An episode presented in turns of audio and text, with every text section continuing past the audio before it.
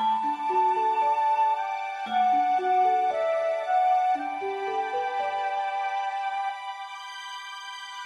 you.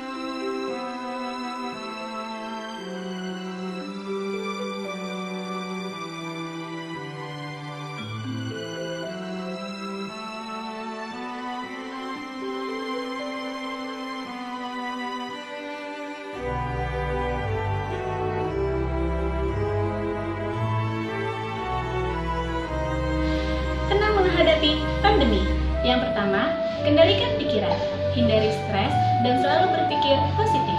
Kedua, lakukan protokol kesehatan. Hindari berjabat tangan, selalu menggunakan masker, dan rajin mencuci tangan. Yang ketiga, bijak dengan informasi seputar corona. Jauhi hoax dan pastikan informasi dari sumber yang terpercaya.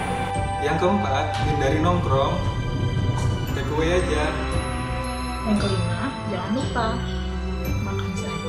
dan. Pandemi ini jangan menjadikan kita menjadi malas-malasan. Justru kita generasi muda harus bangkit, harus lebih semangat. Walaupun kita minim pengalaman, tapi kita memiliki ruang gerak yang luas. Kita harus tetap belajar, bekerja dengan baik semaksimal mungkin semampu kita, dan melakukan yang terbaik.